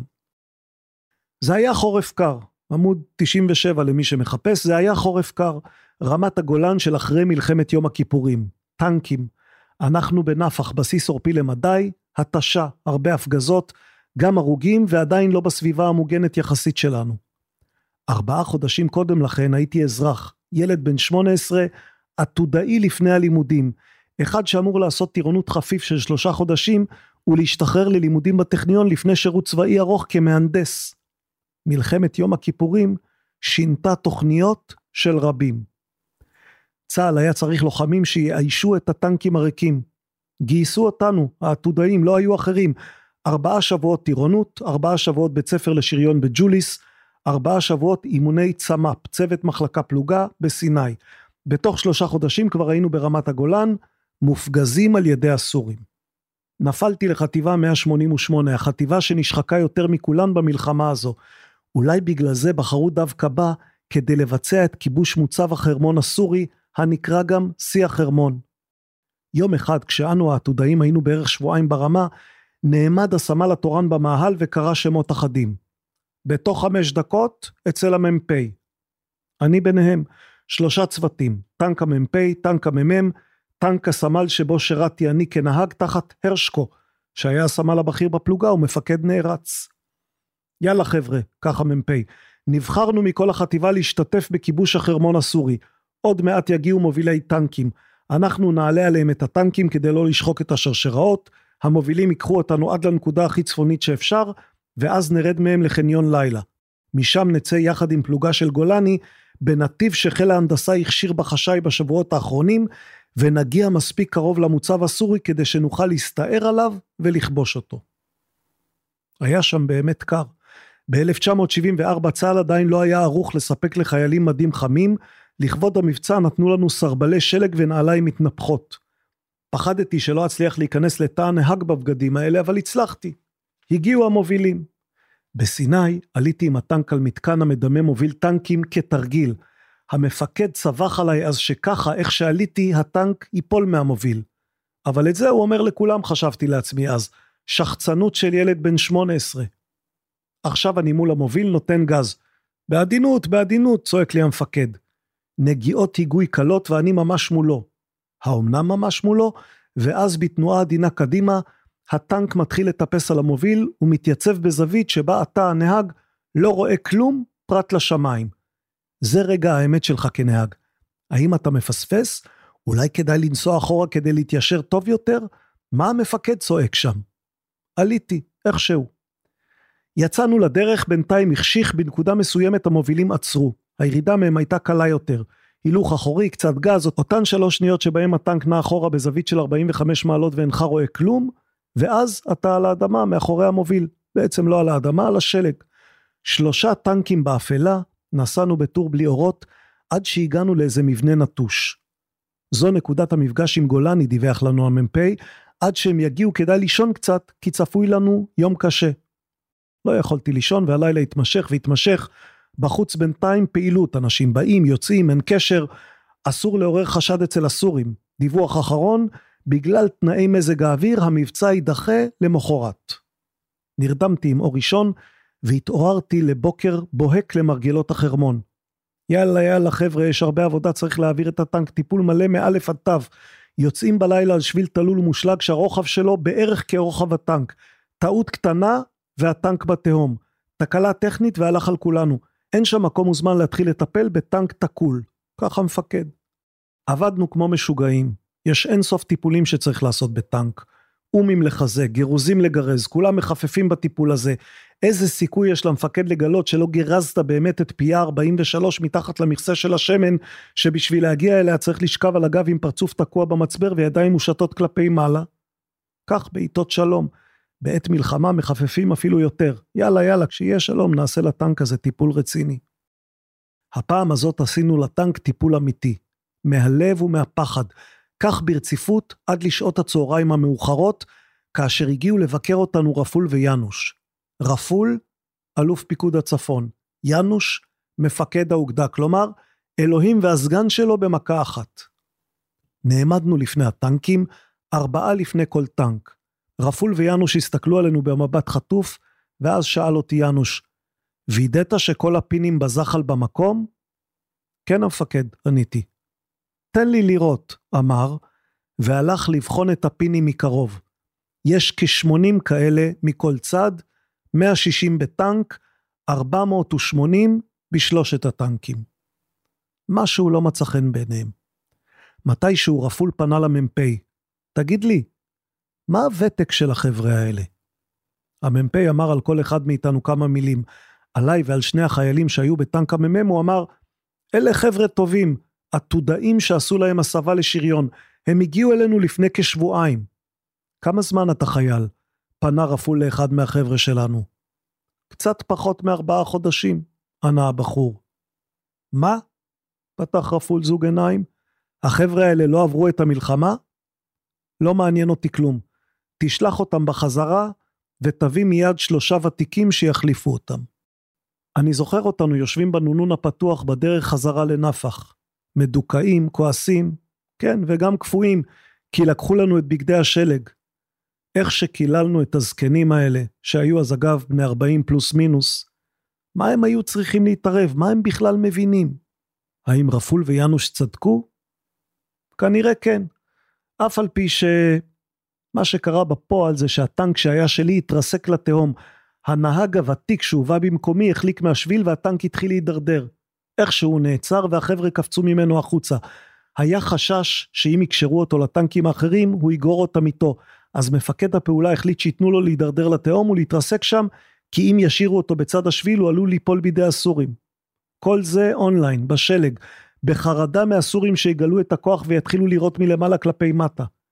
אין ספק שזה הטנק המרוסק, המטופל הכי טוב שהיה אי פעם. ואגב, אם מישהו יגיע אי פעם לטנק הזה, מעניין אם ישנו שם עדיין היומן שכתבתי בחודשים הראשונים שלי בצבא, בתא הנהג, בתא המפות שמימין לכיסא. אבל לו אני שם, לבטח הייתי מתפקד פחות טוב בגלל חוסר הניסיון שלי. ייתכן שלא הייתי יורד מהשביל, אבל ייתכן גם שהייתי מחליק מהשביל ישר לתהום עם כל הצוות מרוב לחץ. אגב, לבסוף הכוח כבש את החרמון הסורי ללא קרב, התברר שבגלל הקור וחוסר היכולת של הסורים להעביר למוצב אספקה הם פשוט נטשו אותו, הם רק הפגיזו אותו מרחוק כשהחבר'ה הגיעו. הרשקו המפקד שלי חטף רסיס בברך והפסיק להיות המפקד שלי. יותר לא ראיתי אותו. וגם, לו אני שם, יש סיכוי לא רע שהייתי נשאר לעמוד כמו טמבל ונותן לאיזה רסיס לפצפץ לי את המוח, במקום שאדבק לאדמה כמו שעשה כל מי שראה מקרוב מלחמה, הפגזות הרוגים, והיה קצת יותר מבוגר. שנה, זה היה המון בזמן ההוא. קצת יותר מבוגר וקצת פחות שחצן. אז כך לא כבשתי את החרמון הסורי, אבל נשארתי בחיים. אה, וגם למדתי לקח ניהולי, שלפעמים מפקדים ומנהלים צריכים להיכנס לעומק הדברים. עד הסוף. עד הבורג של הזחל.